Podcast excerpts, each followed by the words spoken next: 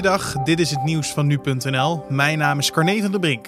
De rijkste 1% van de wereld is verantwoordelijk voor meer dan dubbel de CO2-uitstoot van de 3,1 miljard armste mensen van de wereldbevolking. Dat blijkt uit een rapport van hulporganisatie Oxfam Novib. In het rapport wordt de CO2-uitstoot van verschillende inkomensgroepen tussen 1990 en 2015 onderzocht. De rijkste 63 miljoen mensen ter wereld blijken verantwoordelijk voor 15% van de uitstoot van CO2. De armste helft van de wereld blijkt verantwoordelijk voor 7% van de uitstoot. Een vrouw is zondag aangehouden op verdenking van het sturen van een envelop met een dodelijke gif aan de Amerikaanse president Donald Trump. De verdachte zou zijn aangehouden toen ze probeerde om vanuit Canada de grens met de Verenigde Staten over te steken. De vrouw had een wapen bij zich en ze wordt waarschijnlijk aangeklaagd. De brief die gericht was aan het Witte Huis werd zaterdag onderschept in het postsorteercentrum van de Amerikaanse overheid. Vastgesteld is dat de brief het dodelijke gif ricine bevatte.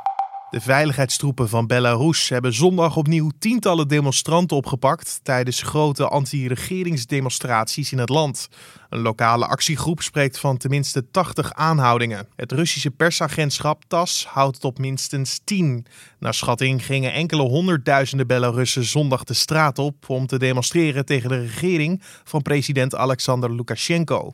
Het is alweer de zesde week op rij dat er massale demonstraties worden gehouden in het Oost-Europese land. De actievoerders willen dat Lukashenko opstapt. De comedyserie Shit's Creek heeft met het zesde en laatste seizoen bij de uitreiking van de Emmy Awards zeven keer een prijs gewonnen, waaronder die voor beste comedyserie. Acteur Eugene Levy won de award voor beste mannelijke hoofdrol in een comedyserie, terwijl zijn tegenspeelster, actrice Catherine O'Hara, de prijs voor beste vrouwelijke hoofdrol in een comedyserie won. De beste mannelijke en vrouwelijke bijrol in een comedyserie werden ook beide binnengesleept voor de Canadese comedyserie over een rijke familie die moet intrekken in een motel. En tot zover de nieuwsupdate van nu.nl.